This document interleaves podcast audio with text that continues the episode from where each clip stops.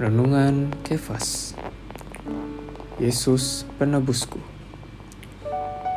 Ayat Alkitab Roma pasal 3 ayat 24 Dan oleh kasih karunia telah dibenarkan dengan cuma-cuma karena penebusan dalam Kristus Yesus.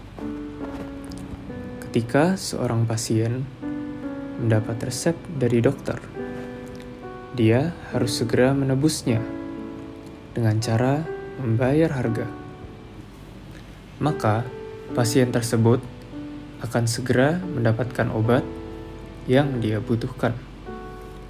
Dari perkara ini, kita perlu mengenal keperluan kita adalah seorang penebus yang mau membayar harga kita dibenarkan oleh anugerah Allah berdasarkan penebusan Tuhan Yesus.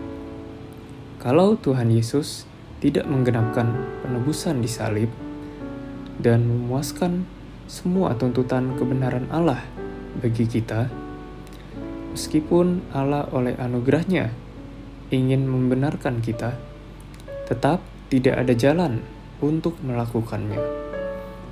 Kalau tidak ada penebusan Tuhan, anugerah Allah yang membenarkan tidak bisa sampai ke atas diri kita. Kamu bisa dengan cuma-cuma memberi saya sebuah Alkitab karena Anda terlebih dulu mengeluarkan harga. Demikian pula, Tuhan telah mengeluarkan harga penebusan. Barulah Allah bisa memberikan anugerah pembenaran kepada kita. Sobat Kefas, kita patut memuji apa yang Tuhan kerjakan untuk setiap kita orang yang berdosa. Tuhan Yesus rela menjadi manusia untuk menebus setiap apa yang kita kerjakan. Terang hari ini, apakah menurutmu penebusan Tuhan bagimu masih ada yang kurang? Bagaimana caramu menunjukkan penghargaan kita terhadap apa yang telah Tuhan kerjakan untukmu?